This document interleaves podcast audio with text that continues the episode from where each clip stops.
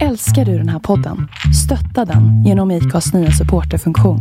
Det är helt upp till dig hur mycket du vill bidra med och det finns ingen bindningstid. Klicka på länken i poddbeskrivningen för att visa din uppskattning och stötta podden.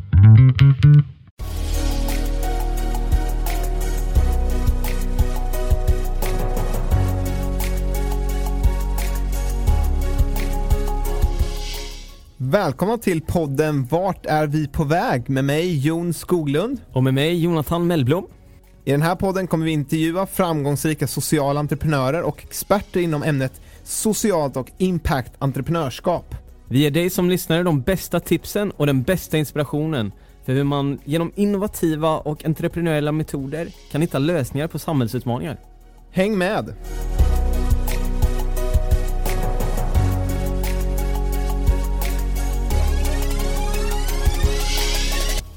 Välkomna till dagens avsnitt. Innan vi börjar prata mer om dagens gäst så tänkte jag bara påminna er om att följa oss i sociala medier. Där man kan få mer information om när vi släpper avsnitt och även lite härligt behind the scenes material. Ni hittar oss under Vart är vi på väg? Vi har även ett nyhetsbrev där man kan få ta del av de bästa tipsen och en kort sammanfattning av veckans avsnitt. Och mer om det hittar ni på vår hemsida vartarvipavag.org. Ja, men nog om det och till dagens avsnitt som har varit Caroline Valerud som har gästat oss i studion. Hon är en serieentreprenör och investerare med många bollar i luften. Ja, hon växte upp i Stockholm. Hon visade tidigt ett starkt intresse och engagemang för olika samhällsfrågor. Och eh, hon hade tidigt också ett väldigt starkt akademiskt intresse.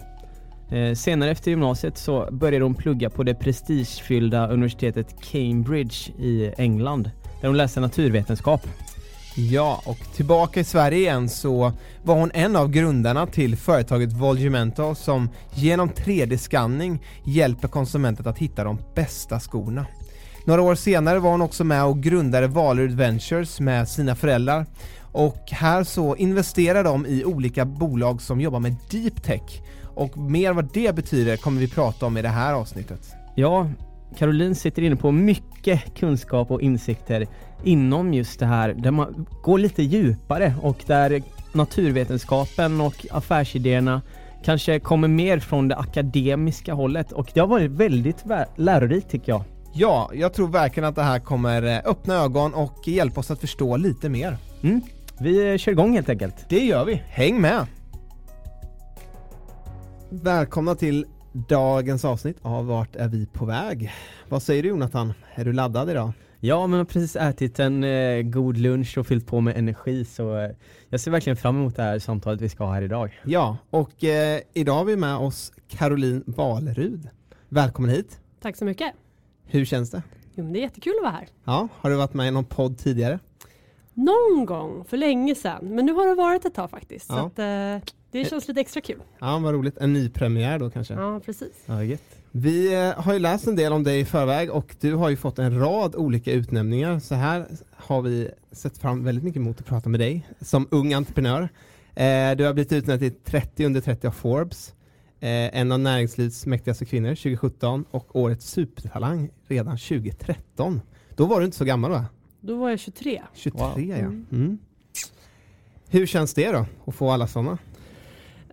det är ju kul såklart och speciellt i början tyckte jag att det var häftigt. Men eh, samtidigt så märker man, eller jag märkte då att det handlar ju, det är ganska separat vad för utmärkelser man får och vad för jobb som faktiskt händer i bakgrunden. Så ofta kändes det som att jag fick ett sånt, en sån utmärkelse ungefär när det liksom kändes som sämst i bolaget och då blev man så här, det här känns så ja, men, bortkopplat från verkligheten. Men det är ju jättekul och i allmänhet så har det gått bra så att eh, det känns ju liksom såklart kul när eh, olika organisationer lyfter fram det och jag hoppas att jag kan inspirera andra med hjälp av det. Mm.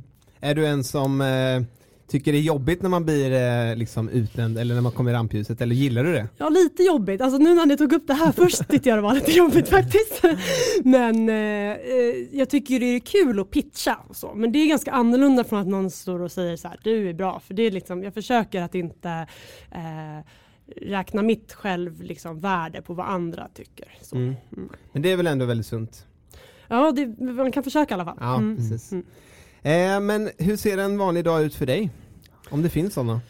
Det är väldigt blandat. Idag har jag suttit med cashflow-modell hela morgonen mm, och sen i eftermiddag efter det här ska jag preppa för en presentation nästa vecka. Eh, och det är med ett eh, Ali-företag som jag jobbar med och sen så ja, annars på mitt, eh, bolaget som jag grundade så är jag ju styrelseordförande och där är det mycket styrelsearbete nu som jag jobbar med.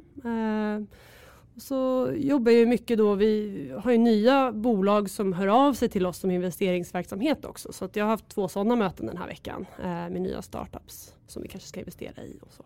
Ja, det låter som en rolig vardag ändå. Mycket Ja, olika grejer liksom. Det är väldigt blandat. Jag tycker, det som är så kul med startups är ju att eh, bolagen är så små att, eh, och det finns så mycket att göra. Att om det är något som jag känner så här, oj men det här tycker jag känns viktigt och roligt och någon borde göra det.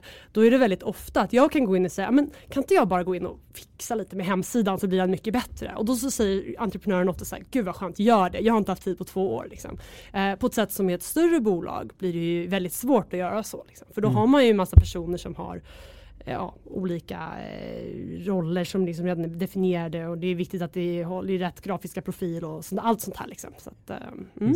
Trivs du bra med att verkligen jobba med vitt och brett med olika roller? Så Eh, ja, det roligaste tycker jag det är den här entreprenörsrollen. Men då måste, jag måste ju inte vara grundare och VD för att vara, liksom, agera på det sättet. Men men det, är det, det är det som jag tycker är roligast. Liksom. Ja, jag förstod det som, vi var ju lyssnare på det här i våras på ett event och jag förstod det som att ni jobbar, eller du jobbar väldigt aktivt i de bolagen du går in i. Mm, precis. Så att, eh, om man, på investeringssidan då, då är det ju så att vi går in i, vi är tre personer och vi går in i bolag max två åt gången som vi är aktiva i. Och det är så att vi kan jobba en, två, tre dagar i veckan per bolag då med de bolagen. Och då är det att vi sitter på kontoret eller liksom är med och jobbar väldigt operativt. Kanske under det första året eller två tills de liksom, bolagen verkligen kommer igång. Vi går ju in extremt tidigt. Mm. Ja men spännande, vi ska få höra mer om, eh, om det du gör idag liksom, och din, din eh, entreprenörsresa bakåt. Eh, men eh, har du några speciella intressen eller hobby som du håller på med för att eh, hålla din vardag i ett bra mönster? Ja, jag läser mycket. Eh, så det tycker jag är kul. Jag är med i en bokklubb där vi diskuterar stora samhällstrender och läser så här, inte skönlitteratur utan snarare faktaböcker. Liksom. Försöker förstå världen bättre och se den i olika perspektiv. Det tycker jag är jättekul. Eh, jag tränar. Eh, Just nu, jag spelade mycket basket när jag var yngre men nu blir det mer så här, men jag klättrar lite, paddlar mycket kajak i sommar och joggar ibland och så. Men, Mm. mm. Jag ska köra Tjejvasan i februari så att, Ja. eh, nu måste jag börja träna på riktigt. Har du köpt eh, rullskidor än då? Nej det har jag inte gjort. jag tänkte faktiskt skippa det, vi får se om Ja. jag lyckas utan det. Yes, om vi kollar tillbaka i tiden lite, vart är du uppvuxen någonstans? Mm, jag föddes i Upplands Väsby. Ja. Sen när jag var ungefär fyra så flyttade mina föräldrar och jag till Djursholms Ekeby. Så typ 12 minuter norrut på Roslagsbanan. Gött, så du, eh, du kan Roslagsbanan in till stan då? Ja precis, jag, åkte, jag bytte till en skola inne i Stockholm när jag var 11 år gammal. Så jag har ju liksom åkt den rutten väldigt många gånger. Men du vill ändå gå eh, skolan in i stan eller var det dina föräldrars eh, beslut? Jaha, eh, jag var ganska skoltrött sådär, eh, delar av ettan till sexan. Eh, och både då min lärare, fyran och femman och mina föräldrar tog liksom lite krafttag där och gjorde väldigt mycket för att jag skulle bli typ stimulerad igen. Eh, men sen så, så var det mycket att jag ville eh, gå i en typ mer akademisk skola eh, och få liksom mer utmaning eh, och lite mer personlig typ utbildning. Och då bytte jag till Stockholm International School. Så att jag hoppade över en årskurs och så blev det på engelska och så var det helt annan eh, kursplan. Liksom, plan. så att eh, där liksom sexan blev det lite jobbigt igen liksom, i skolan och det är bra, det ska ju vara lite utmanande. Eh, och sen så tänkte jag byta tillbaks till svensk skola men trivdes väldigt bra där så jag fortsatte. Vad var det som gjorde att du blev mer intresserad av akademiska? Liksom? Kommer det hemifrån eller? Ja, det kommer nog hemifrån. Eh, båda mina föräldrar är väldigt nyfikna och så. Jag tycker det är kul att förstå hur saker fungerar och så. Har du några syskon? Nej, jag är ensam barn. Vi har två hundar. Två hundar? De, de gills. Ja exakt, Mm. och några bolag som barn. ja, jo, men, och de är ju nästan barn faktiskt. Eh, Det känns ju som ens babys. Liksom. Mm. Så det, ja. Mm. Och sen eh, gymnasiet och sådär, vad gick du då? Ja, jag fortsatte på Stockholm International School. Ja. Mm, så att, eh, det är en jätteliten skola men de, de hade en klass på, jag tror det var 24-25 elever då liksom, som gick gymnasiet tillsammans. Sen så pluggade jag på Cambridge University i England, naturvetenskap. Var det ett självklart val att eh, flytta till England? Nej, alltså min mamma är amerikan så jag trodde kanske att jag skulle plugga i USA. Jag tyckte det skulle vara roligt att lära känna mer den sidan av min familj och så. Eh, sen så åkte jag på en college tour, eh, hälsade på massa skolor och eh, tänkte väl att det är inte så lätt att komma in på de där bästa skolorna så jag eh, an- ansökte till många av dem och så kom jag ändå jag hade turen att jag kom in på så många att jag kunde välja men tyckte ändå att eh, Cambridge var coolast. Det, det var riktigt kul och så var det lite närmare hem också. Ja, men det är väl verkligen en, ett sånt här klassiskt universitet verkligen. Mm. De firade typ 800-årsjubileum när jag var där. Liksom. Det är häftigt. Ja. Wow. Vad var eh, inriktningen där? Naturvetenskap och eh, någon särskild inriktning? Ja, man börjar eh, inom naturvetenskap då. Så vi hade, I USA har de ju liberal arts där man också tar retorikkurser och filosofi och sånt där. Det hade inte vi utan det var inom naturvetenskap allting. Eh, och så valde man kurser inom det. Så att, eh, jag tog mycket kemi, biologi, matte. Och sen psykologi och i sista året så var jag på zoologiavdelningen, alltså djur. Ehm, och tog genetikkurser, evolution, eh, beteendevetenskap och så. Mm, Men jag höll det så brett jag kunde egentligen. Mm. Eh, Och sen började jag faktiskt på en master där eh, inom hur minne fungerar. Eh, men eh, hoppade av efter två, tre veckor och kom hem till Sverige istället. Okej. Det kom på att det inte riktigt var det jag skulle göra. I övrigt under din uppväxt där, vad fylldes dagarna med förutom skolan och eh, Roslagsbanan fram och tillbaka? Alltså jag spelade som sagt ganska mycket basket. Eh, pluggade väldigt mycket. Eh, pysslade. Sen hade jag olika projekt. Som till exempel, eh, jag var med och startade Unga Humanister eh, i Sverige. Eh, som är då ungdomsorganisationen för humanisterna. Mm, och sen så var jag med och startade skoltidning. Eh, hade så här lite olika opinionsbildande sådär, eh, uppror i skolan och där jag bodde. Eh, sen så när jag pluggade på Cambridge så var jag eh, president och sen kapten för basketlaget och sen startade, var med liksom med eh, Scandinavian Society. Så jag gjorde jättemycket sånt alltid. Mm. Vad är det som drev dig in i de här olika ledande roller eller drivande liksom? Vad, vad tror du att det grundar sig i?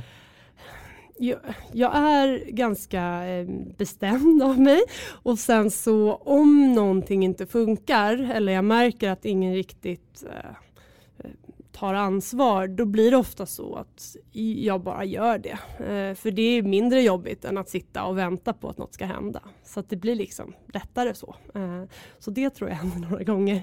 Det är inte enbart positivt kan jag säga. Och de här upproren låter ju spännande. Eh, vad, var det, vad var det om? Till exempel så eh, där jag växte upp så finns det en sjö, Ekebysjön. Eh, och det är massa paddor som migrerar mellan trädgårdar och sjön och blir eh, för mestadels överkörda då på vägen. Så jag målade med några vänner massa såna här skyltar, akta paddorna eh, och, och organiserade så att man gick och plockade upp dem då längs gatan på, i skymningstid när de skulle ta sig i stora hinkar liksom, 20 stycken åt gången och går liksom och, och lastar över dem till sjön där de ska vara så de inte blir överkörda. Det är mycket, mycket mer eh, paddor och grodor där nu så det är kul. Ja, det är ett kul. exempel. En annan grej var att jag tyckte eh, det blev dålig stämning eh, på mitt gymnasium när vi eh, hade sån här Valentine's Day-grej där man eh, kunde köpa rosor åt varandra och så, så lästes det upp såna här små kärleksbrev och gavs ut rosor i klassrummet under eh, liksom, lektionstid. Eh, och då var det ju många som inte fick några och det blev extremt grupptryck och det var liksom väldigt dålig stämning så då eh, liksom gjorde jag, stod det i skoltidningen att vi inte skulle ha det där. Och, ja, lite olika sådana saker. Okej, Mm. vad spännande. Eh, jag är lite intresserad av, eh, du känns som en person som verkligen vill utmana så här intellektuellt och så. eh, genom det här bokklubben och studierna och så här. Känner du att du är tillfredsställd liksom, i att utmana så? Oj, det är nog aldrig helt men jag tycker jag har hittat en bra kombo i alla fall. Och startups är ju extremt utmanande för ett sätt att vinna som startup är ju att eh, förstå hur världen fungerar bättre än alla andra bolag eller så i samma eh, område och försöka eh, komma på hur man då bäst kan komma dit man vill och det är ganska intellektuellt. Eh, så. Sen så är det ju lite så att jag är sugen på att plugga någonting igen men jag vet inte riktigt om jag vill göra det på heltid i så fall. Vi får se. Så det här masterprogrammet som handlade om eh, minne mm. i eh, England. Här. Vad, vad var det som gjorde att du slutade? Jag var eh, ganska trött faktiskt. Eh, jag trodde att jag hade blivit utbränd eller någonting. Men, ehm, men sen kom jag hem till Sverige och tog ett sån här järntest, så här, hur mycket järn jag hade. Då visade det sig, doktorn var helt chockad att jag kunde ta mig till liksom, provtagningen för att jag hade så lågt järn. Så det var någonting som de liksom inte hade plockat upp i England. Så jag var, så här, jag var jättetrött och det var lite så här, jag orkar inte jag, göra det här just nu. Och sen så tyckte jag inte kanske att det var det var nog inte det roligaste forskningsprojektet som jag hamnade i och eh, jag kom på att jag ville jobba mer. Det som hade varit egentligen roligast på Cambridge var ju alla de här projekten jag drev. Eh, och då tänkte jag att då kanske jag ska göra mer sånt än att fokusera på en proteinnivå i hjärnan liksom, i ett, ett eller två hela år. Så. Under uppväxten och tonårstiden, vad var det för speciella samhällsfrågor som, ut, som du engagerade extra mycket i? Du berättade några olika organisationer som du drog igång, mm. men vad var viktigt för dig? Till exempel med Unga Humanister tyckte jag när jag var runt 13-14 där och många konfirmerade sig så tyckte jag det var viktigt att det skulle finnas ett sånt typ livsåskådningsläger eh, där man pratar om de här viktiga livsfrågorna som kanske inte kommer upp nog i skolan. Jag tycker de borde komma upp mer. Där det inte liksom ah, leddes av en präst. Eh, så det tyckte jag var en väldigt viktig fråga eh, och ganska orättvist då för jag ville gå på ett sånt där läger. Eh, så det var en av de liksom, eh, ja, triggers för att jag skulle gå med och liksom dra igång Unga Humanister. För det var en av deras saker, att de ville ha liksom sådana livsåskådningsläger.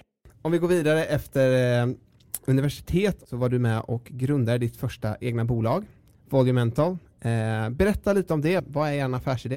Vi eh, vill ju göra retail eh, mer effektivt och personligt egentligen. Och det är genom 3D-skanning och artificiell intelligens. Så vad vi, vårt mål nu det är att hjälpa 500 miljoner människor hitta skor som passar perfekt till år 2025. Eh, och nu är vi på runt 3-4 miljoner människor. Eh, och vad vi gör då det är att vi jobbar med stora eh, skoföretag och märken eh, så att vi har en scanner i butik i, jag tror att det är 1400 butiker i 38 länder nu. Eh, och då går man in i en butik och, och, blir skannad, får exakta mått och också förslag på eh, vilka skor av de som finns i butik som skulle passa dig bäst. Eh, och det är liksom bara första steget. Sen så eh, är det många av de vi jobbar med som då länkar tillbaks sen så man kan köpa online och veta att det kommer passa. Eh, och också att man kan skapa skräddarsydda skor. Så vi jobbar mest med sportföretag, typ New Balance, eh, Bauer, Hockey, eh, Wintersteiger som gör eh, pjäxuthyrning, skidpjäxor. För sport, för elitsportare så har man ju länge skapat skräddarsydda skor mm. eh, och vi försöker göra så att det här kan vara någonting som alla kan få utan att det ska kosta så mycket mer. Så till exempel med Bauer Hockey så kan man nu beställa eh, skräddarsydda eh, eh, ishockeyskridskor då på butiker, bland annat i Solna till exempel. Sparas det digitalt och sen så att man inte liksom behöver göra testerna flera gånger? Precis, så att man får ju liksom som en profil eh, som man kan komma tillbaka till. Uh, så. Just det, och hur kom den idén till då? Eh, jag var ute och letade efter en startup att vara med och grunda. Eh, så att jag pratade med forskare på Karolinska, KTH eh, och andra liksom tidiga bolag eh, och hittade de här tre killarna då, eh, Alper, Miro och Rasmus som alla var eh, doktorander på KTH. Eh, och de hade en mjukvara som kunde skanna, 3D-skanna vad som helst och få tillbaka en digital modell av den i datorn.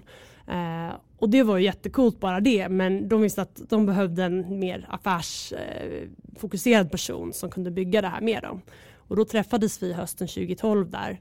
Eh, pratade, jag blev lite kär och sa så här, men jag kan jobba gratis i så här, två, tre veckor och sen som vi gillar varandra och det matchar då skriver vi aktieägaravtal och liksom gör det här tillsammans.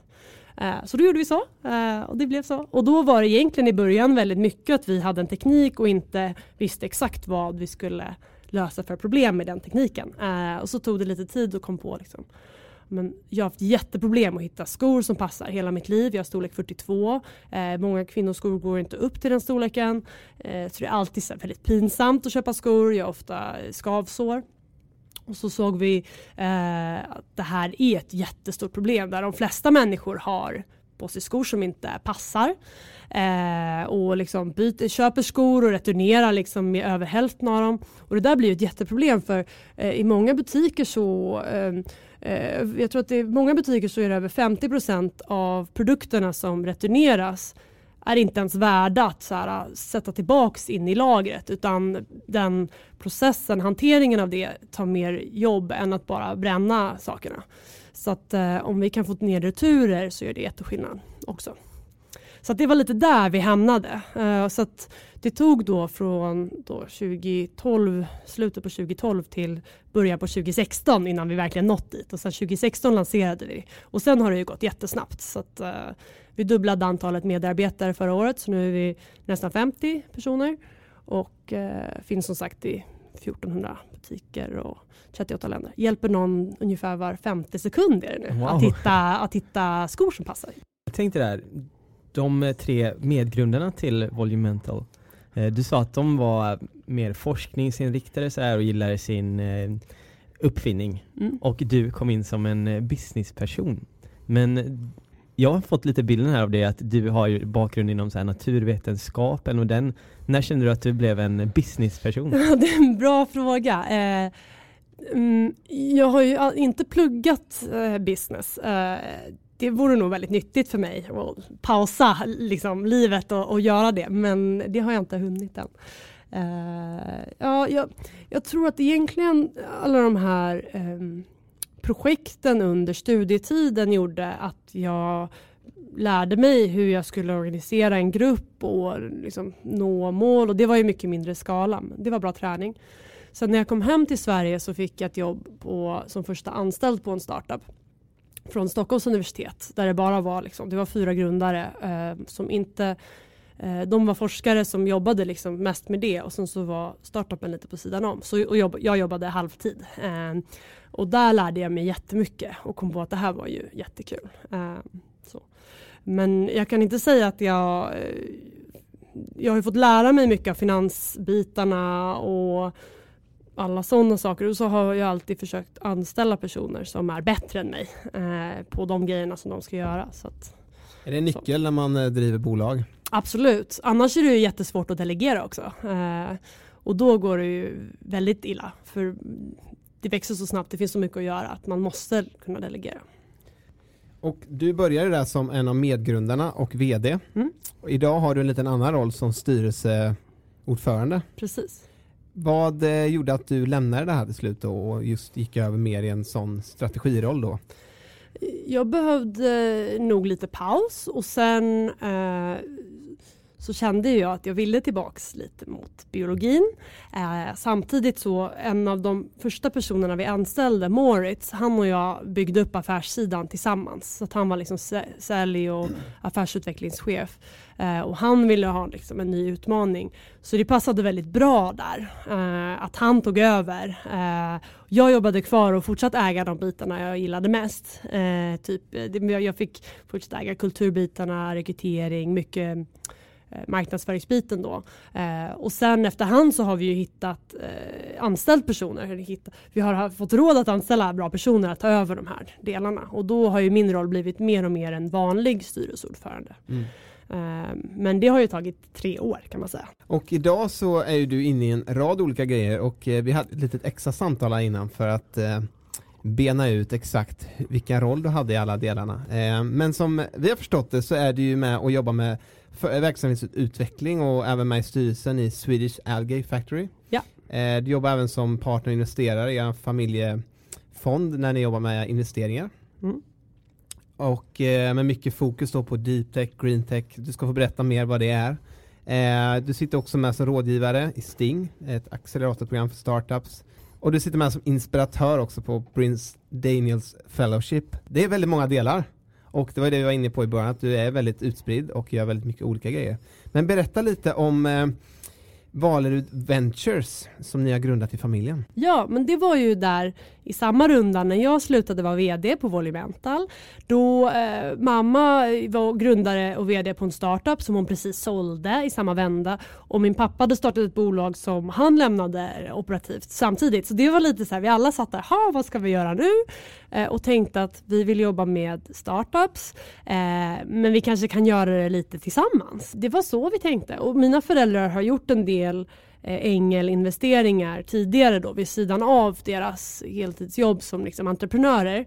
Ehm, och och då tänkte vi att vi kan utveckla det mer och jobba lite mer, samarbeta tillsammans. För vi har ändå väldigt kompletterande expertis kan man säga. Så att är vi alla tre då blir vi som en mini-inkubator för de här startupsen. Och är vi bara en person då blir det eh, lite mer att det bara är en person som hjälper till. Mm. Och eh, du fokuserar mycket mot deep tech och green tech och jag Mm. tänkte att du skulle få förklara för vi har ju lyssnare och även oss själva, alla vet ju inte vad alla begrepp betyder. Såklart inte. Det är ett jätteproblem att det är så mycket förkortningar hela tiden. Precis, så berätta deep tech och green tech. Absolut, så deep tech det är egentligen eh, hård teknik kan man kalla det eller teknik där det är en väldigt hög innovationshöjd. Eh, och anledningen att vi gillar det är att då handlar det inte bara om eh, utförande, execution, marknadsföring utan man har ett lite större försprång och en lite eh, större mm, inträdesbarriär liksom, för andra att komma och göra samma sak. Eh, Eh, och så blir det ofta väldigt häftiga projekt när det handlar om verkligen hård teknik. Det gillar vi. Eh, och sen green tech, då är det alltså miljöteknik egentligen. Och Valor Adventure som helhet fokuserar på deep tech och sen så är det väl jag som tycker det här med biologi och miljöteknikbiten är mest intressant. Så att det är där jag fokuserar mest. Mm. Och bland annat då så kommer ni in och du jobbar då idag på Swedish Algae Factory som är en av dem ni har investerat i också. Precis, Berätt- det var ja, Ja, lite berätta över ett år om, sedan. Ja precis, berätta om det företaget och vad, vad ni vill göra med det. Ja, ja, det är jättekul. Vi eh, har ett unikt nanoporöst material eh, som är så high tech kan man säga att det går inte att syntetisera idag. Nu får, Eh. du- nu får du förklara här. Ja, ja, ja det- kommer. Det kommer. Okej, ja. Eh, em, så att, eh, det är alger som producerar det här materialet. Eh, så att det är cirkulärt, vi renar avfallsvatten i processen så att det blir klimatpositivt. Och sen så är det då det här eh, eh, materialet som vi extraherar från algen eh, som är nanoporöst, alltså att det är nanostora hål i det här materialet. Mm. Och det algen då, det är en kiselalg heter de. Uh, och de är uh, jättevanliga. De producerar 20-25% av allt syre som vi andas här på planeten. Så att de är en jättestor del av alla hav och så. Um, och då har vi lyckats då extrahera det här skalet och behålla alla häftiga egenskaper som det har. För att det, egenskaperna på skalet är att det absorberar ljus väldigt effektivt, manipulerar ljus och så avger och upptar kemiska substanser. Och det är det som gör att den här algen är så bra på att överleva för att den kan liksom ta in allt ljus till fotosyntes liksom, som når den.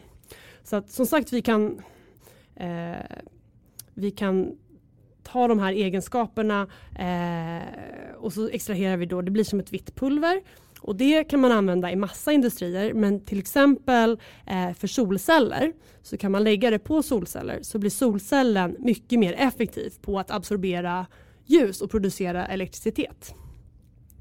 Så att eh, hittills har vi lyckats nå liksom, så att det är liksom 4-10% ökning av effektivitet. Och det blir jättestort för om man tittar bara på nyproducerade solceller så blir det liksom 1,2 miljarder euro per år som blir vår marknadspotential liksom, där.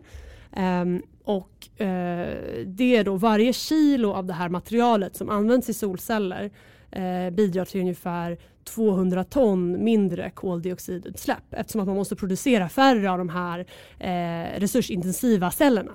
Wow. Så att, eh, det är jätte, jättekul. Och det vi vill bevisa är ju då att eh, både för världen och för kemiindustrin att det går att producera avancerade material som eh, ändå är klimatvänliga och, liksom, och positiva för miljön. Sen sitter du även med som rådgivare i Sting. Berätta lite om det och vad, hur kan ni hjälpa startups? Sting är ju en jättebra organisation som hjälper startups eh, från början i stort sett med test drive som det heter. Där man, man har en idé så kan man gå liksom en kvällskurs och få lite tips här och testa. Skulle det här kunna vara något som jag börjar göra heltid? Eh, fram till att de har eh, inkubator och acceleratorprogram. Um, Volumental gick det programmet så att vi satt hos Sting i ett och ett halvt år och fick coaching där och så. Det var väldigt bra för oss. Eh, och eh, sen så har de andra delar så att de har startat investeringsverksamhet för startups, rekrytering, massa sådana matchmaking events mellan startups och stora bolag. Eh, så det är lite av ryggraden för eh, Stockholm och Sveriges startup-ekosystem. Så det är jättekul att vara med där och det är vi en grupp advisors egentligen som sitter och eh, en gång i kvartalet kanske och pratar med vdn där Per Hedberg och, och diskuterar strategi och kommer med förslag och tips och intros och så. Så Sting har inte fokus på eh, deep tech eller green tech utan det är mer brett? De har massa olika program så att de har en sustainability-del, eh, de har en hälsa-del, eh, de har en deep tech och de har AI och så har de också tror jag gaming och mer så digital som är mer appar och så. så att, för de nästan alla bolag skulle jag säga så, som är tidiga så kan man gå till Sting eller någon som Sting och få väldigt mycket hjälp. Och sen Prince Daniels Fellowship också som du sitter med som inspiratör. Vad betyder det att du är inspiratör? Här? Det är ett gäng entreprenörer som åker runt till eh, gymnasieskolor och högskolor eh, och eh, vi är ofta en grupp på tre personer kanske med prins Daniel och sen så eh, IVA eh, Ingenjörsvetenskapsakademin som sponsrar det här då som, eh, som åker runt och pratar med eh, elever och eh, försöker inspirera till att, det, att entreprenörskap är ett jättekul sätt att leva livet. Ehm, eh, och sen så är det ofta med så här ung företagsamhet och så har vi lite coachingsessioner med bolag som jobbar med det. Vad är viktiga egenskaper hos någon som vill dra igång något? Man måste tro på det man gör för annars eh, orkar man inte. Man orkar hålla i och driva på även när det är jobbigt eh, och att man som team har en lite större vision över vart man ska. Eh, för då blir det mer värt det, eh, allt slit. Sen så eh, kommunikation, att man kan kommunicera väl både inom teamet så att man är överens och att man tar alla problem tidigt för det kommer jättemycket konflikter eh, och att man tar dem innan de blir för infekterade. Och också kommunikation utåt, att man kan övertyga kunder och, och, och möjliga medarbetare och investerare att det man gör är bra. Så att, mm. Där kan man börja i alla fall. Mm. I eh, våran podd här, Vart är vi på väg? så fokuserar vi på det vi kallar för socialt entreprenörskap, alltså hur man kan använda entreprenörskap för att eh, tackla och möta olika samhällsutmaningar som vi står inför. Och jag är säker på att du har många bra tankar här kring socialt entreprenörskap. Men vad är det för dig om vi börjar där? Mm. Entreprenörskap för mig är ju att se och lösa problem. Eh, jag tycker Steve Blank som är en startup-guru från San Francisco, han har en jättebra blogg om ni vill lära er om, liksom få tips hur man bygger startups. Eh, han säger att eh, en startup är det att söka för en skalbar och repeterbar affärsmodell. Och Det tycker jag är ganska bra. Så när man har kommit dit då är man kanske inte längre en startup för då har man redan hittat något som man kan skala eh, enormt. Eh, och då socialt entreprenörskap blir ju att problemet man försöker lösa är lite eh, viktigare för världen eller lite större. Eh, eh och ni i Valerud Ventures, ni jobbar ju delvis med impact investing eller benämner ni er själva som det? Egentligen inte, men vi vill ju att bolagen vi går in i eh, gör någonting bra som vi kan stå bakom. Så. så alla våra bolag eh, som vi jobbar aktivt med idag, de är på något sätt eh, impact, gör något bra för världen.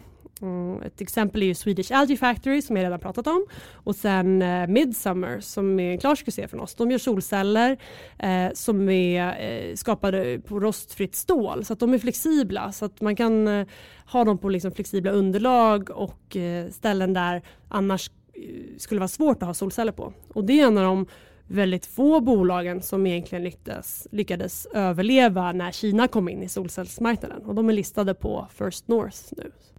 Och sen så eh, har vi Econo som eh, gör eh, maskininlärning för Internet of Things.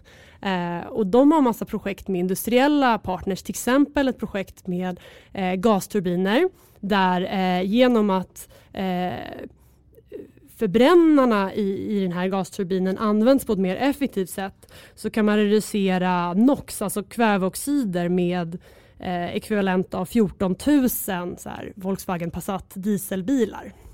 Eh, och det är bara en gasturbin så man kan göra jättemycket med maskininlärning inom industriprocesser. Liksom, och det projektet är igång och så har de ett annat projekt eh, där batterier håller mycket längre eh, för att man använder dem mer effektivt. Man reglerar liksom effektuttaget och sen så också att man då kan se när ett batteri börjar bli lite sämre att istället för att bara kassera det så byter man det till en annan maskin som inte behöver lika högt effektuttag och då får man också mycket mer effektiv resursanvändning. Ett annat portföljbolag är Racefox.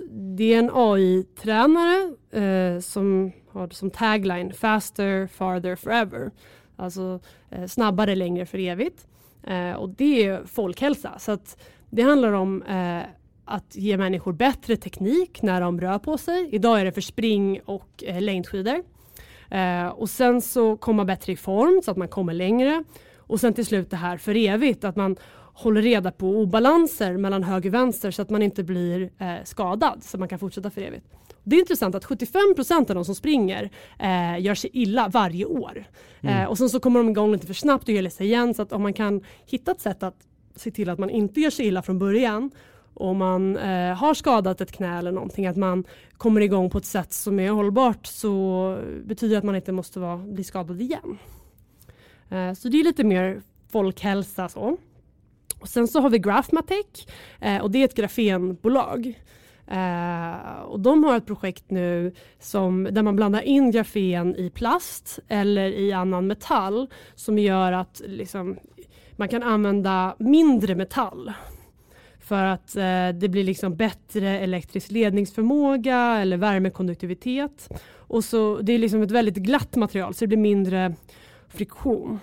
Och när man blandar in i plast så blir plasten mycket starkare. Så man kan använda mycket mindre av de här materialen för att uppnå samma effekt. Eh, och där, de har ett projekt nu till exempel där eh, man sparar så mycket energi som Umeå använder varje år. Liksom, bara genom att minska eh, materialanvändningen på det där sättet. Så alla bolag som du radade upp här har ju på något sätt eh, positiv impact i deras eh, affärsmodell. Eh, men vad är det som är den bakomliggande liksom, drivkraften eller varför ni investerar i den här typen av bolag? Mm. Vi är ju alla väldigt nyfikna och det känns som att entreprenörskap är ett av de bästa sätten att verkligen lära sig om världen och försöka göra den bättre.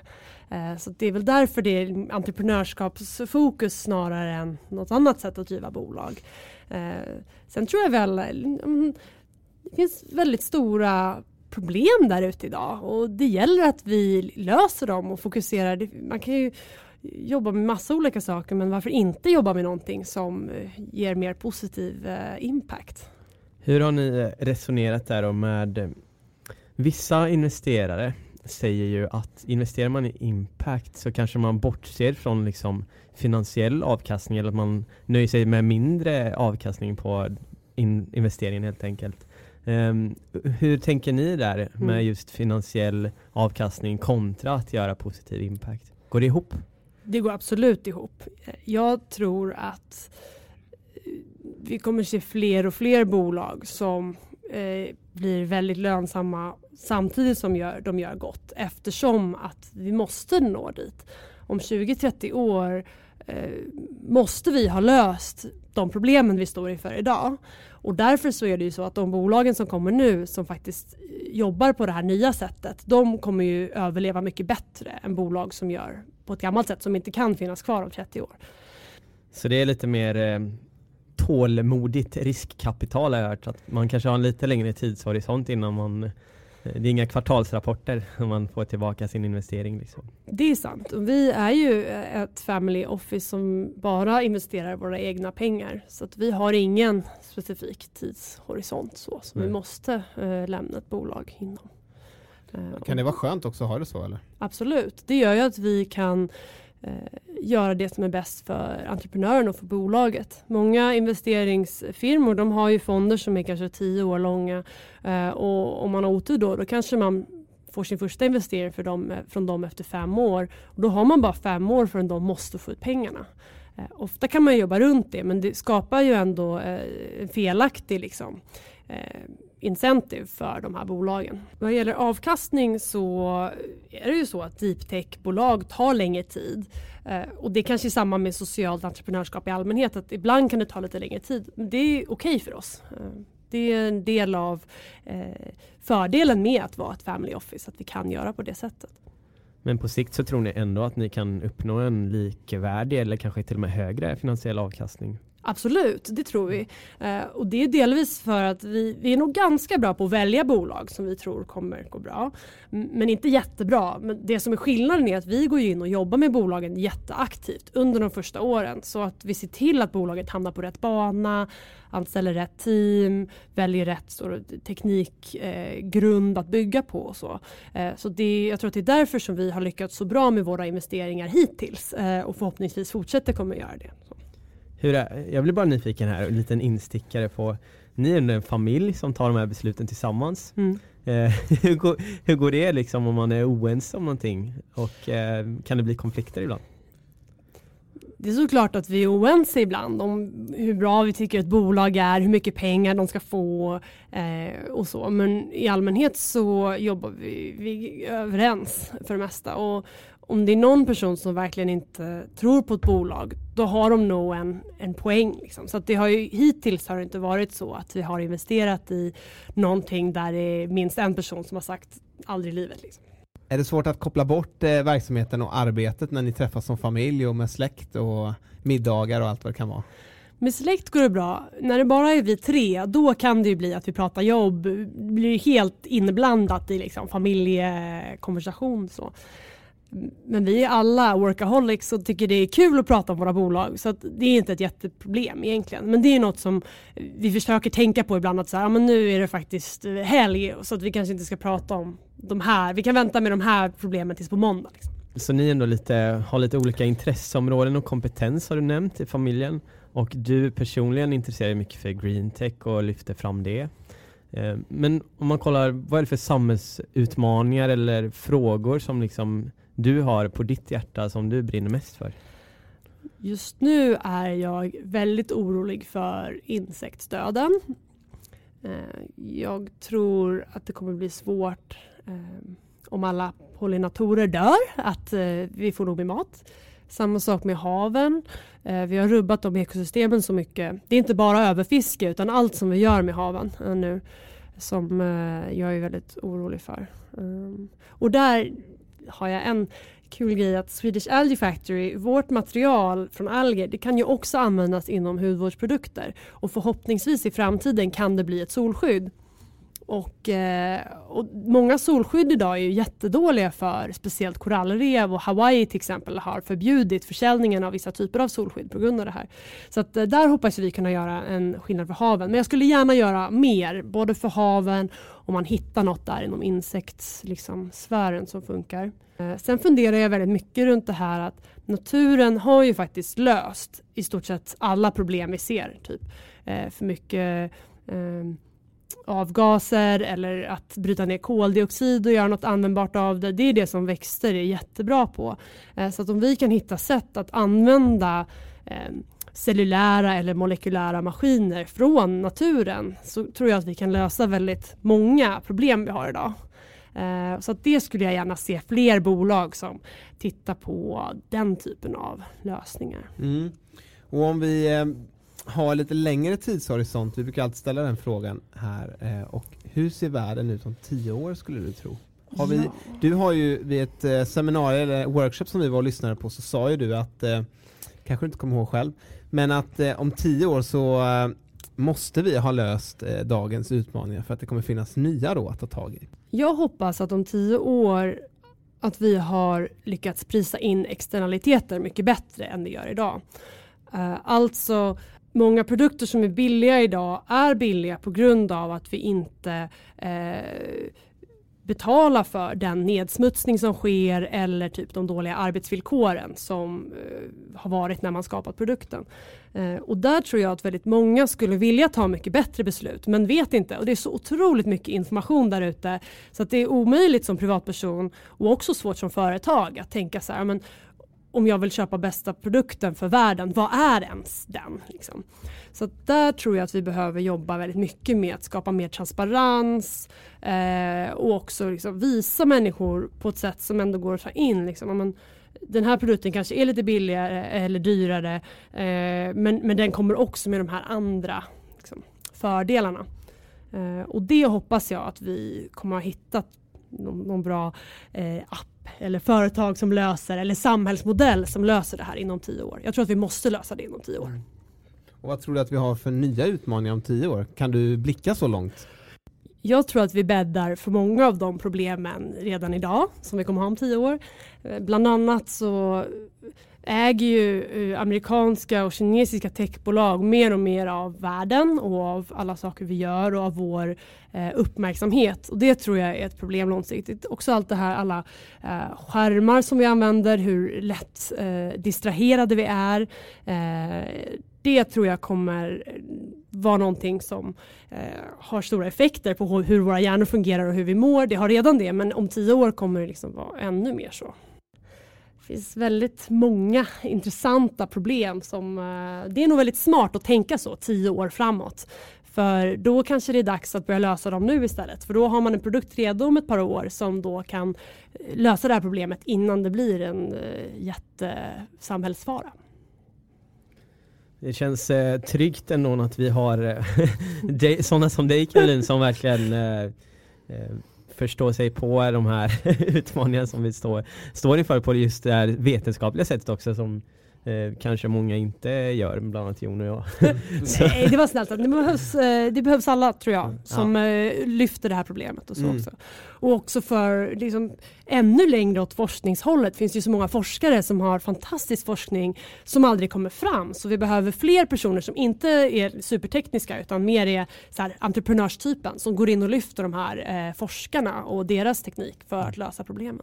Alla behövs. Mhm. Vi tänkte gå in i lite runda av dagens avsnitt och prata lite om eh, dina tips faktiskt. Och eh, just när du är här idag som har erfarenhet från investeringssidan så tänkte vi eh, kolla här, vad är dina bästa tips för hur en entreprenör ska gå tillväga när de söker finansiering hos en investerare? Med förberedelser och liksom pitchen och allt sådär.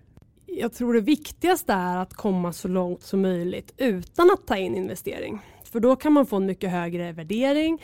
Då måste man inte ge bort lika mycket av sitt bolag för att få den där finansieringen.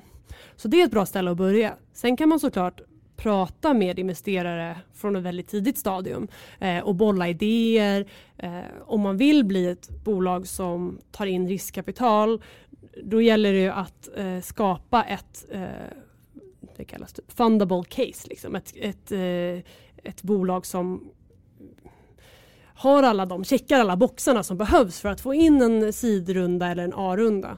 Eh, och då kan man ju börja prata med investerare som man gillar och säga, fråga det liksom. Men vi vill bygga något inom det här eh, området. Vi funderar lite så här. Hur tänker du? Hur många användare skulle du vilja se innan eh, ni kan gå in?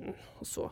Och då kan man få väldigt bra tips. De har ju, ser ju så många bolag, investerare alltså, ser ju så många olika bolag. Eh, så de kan komma ganska snabbt med sådana förslag kanske. Ska man våga som entreprenör att kontakta investerare i ett så tidigt skede? Eller, jag kan tänka sig att man är väldigt rädd för att bli eh, avvisad eller att man inte får något svar. Ja, Eh, det blir man, det så blir det ofta. Ja men precis. Då får Men man ta det ska man ändå eh, våga tycker du? Ja det tycker jag. Det måste ju inte heller vara investerare man tar kontakt med först utan det är bättre kanske att börja med eh, vänner och kanske gamla affärskollegor man haft och som kan mer om det här området man funderar på. Eh, kanske gå till en inkubator eller om man är på universitet att gå till universitetets eh, innovationsavdelning. Där fick vi på Volumental jättemycket hjälp till exempel i början från KTH Innovation och också pengar från dem som vår första investerare. Så det var jättebra. Eh, så att, eh, man kan ju börja där och få tips. Eh, men sen så om man vill ta in riskkapital och det behöver man inte göra men om man vill det då så ska man nog eh, också fundera ur banorna men hur ser ett investeringsbart case ut och då gäller det ju i nästan alla fall att man har också en plan för hur man ska bli lönsam. Det finns standardmodeller egentligen för en pitch och ett ganska bra sätt är ju att gå och skapa en sån pitch innan man ens har kommit någon vart. Så, eh, för att försöka se alla delar av bolaget som man kommer behöva om säg ett eller två år. Eller tre månader beroende på hur snabb man är. Liksom. Jag har bara ett exempel på en sån, ett tips. Jag nämnde Steve Blank innan eh, som är en sån här startup-guru och har jättemycket bra tips. Eh, han och en till har skapat något som heter The Business Model Canvas och det är som en ensidas sammanfattning av hela ens bolag och alla de eh, rörliga bitarna som man måste ha koll på för att se till att det kommer funka som helhet. Och en sån kan man ju börja med att göra jättetidigt. Du gillar att pitcha och måste ha hört många pitchar. Så vad är de vanligaste fallgropar eller misstagen som man gör? Ofta är svenska pitchtävlingar på engelska eh, och då märks det att människor inte har tränat på sin pitch på det språket som pitchen ska hållas i. Och då blir det väldigt mumligt och man hittar inte ord och det är väldigt svårt att fokusera på eh, ja, det man ska säga. Liksom. Och en annan grej är att människor i allmänhet fokuserar väldigt mycket tror jag på content, alltså vad det är man ska säga och lite mindre på kroppsspråk och så. Och det är ju minst lika viktigt. Eh, så att det är en sån sak som eh, när jag tränar pitchar försöker liksom ladda in ungefär vad jag ska säga eh, men sen försöka att ehm, som träna på orden på rätt språk och vad jag ska stå att jag ska ha ett öppet kroppsspråk och sånt där. Så det är väldigt mycket retorik i, i ens pitch också då skulle? Absolut. Ja.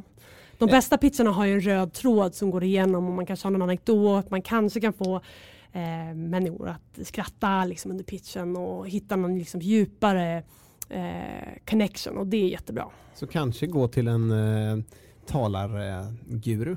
Det kan man göra. Eh, jag har gått jättemånga sådana pitchkurser inför pitchar jag hållit som, som vd på startups.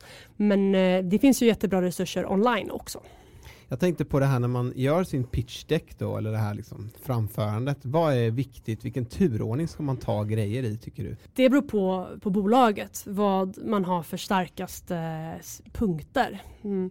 Så att I vissa fall kan det ju vara att man har ett team som verkligen förstår liksom problemområdet man ska lösa. Då är det bra att nämna det tidigt. Eh, I andra fall kanske man har flera kunder redan. Då kan man nämna det först. Men det gäller just att ha den här röda tråden. Eh, men det finns ju standardmodeller att man ska börja med eh, att visa liksom, hur ser världen ut idag, vad är problemet och sen så lösningen på det och så vidare. Så, så det kan man välja. Man ska nog inte hitta på någon helt egen modell för det finns bra utarbetade modeller. Men det finns ju såklart spelrum inom det. Vill man höra som investerare poängen i början och sen att de bryter ner och förklarar den? Det tror jag beror på väldigt mycket. Jag gillar båda så länge man också bryter ner och förklarar och inte bara säger hur fantastiskt det är och sen inte visar någon liksom, modell för hur man faktiskt har rätt. Ett eh, socialt företag eller impactbolag, vad vi nu ska kalla det, som du tror på lite extra framöver? Jag älskar ju mitt Swedish Algae Factory så jag kanske kan få säga det. Jag tror verkligen på bolaget. Vi ska rädda världen med alger. Det kommer bli jättebra. Det får du absolut säga. Yes. Bra. Och en person som du skulle vilja se bli intervjuad här i Vart är vi på väg? Istället för att svara på vem tänkte jag svara på vad. Det vore jätteintressant med fler frågor om avvägning mellan olika typer av impact. Till exempel så Eh, kanske man producerar en pryl som eh, sparar energi eller är bra för miljön men så under produktionsprocessen så har den varit väldigt resursintensiv att producera.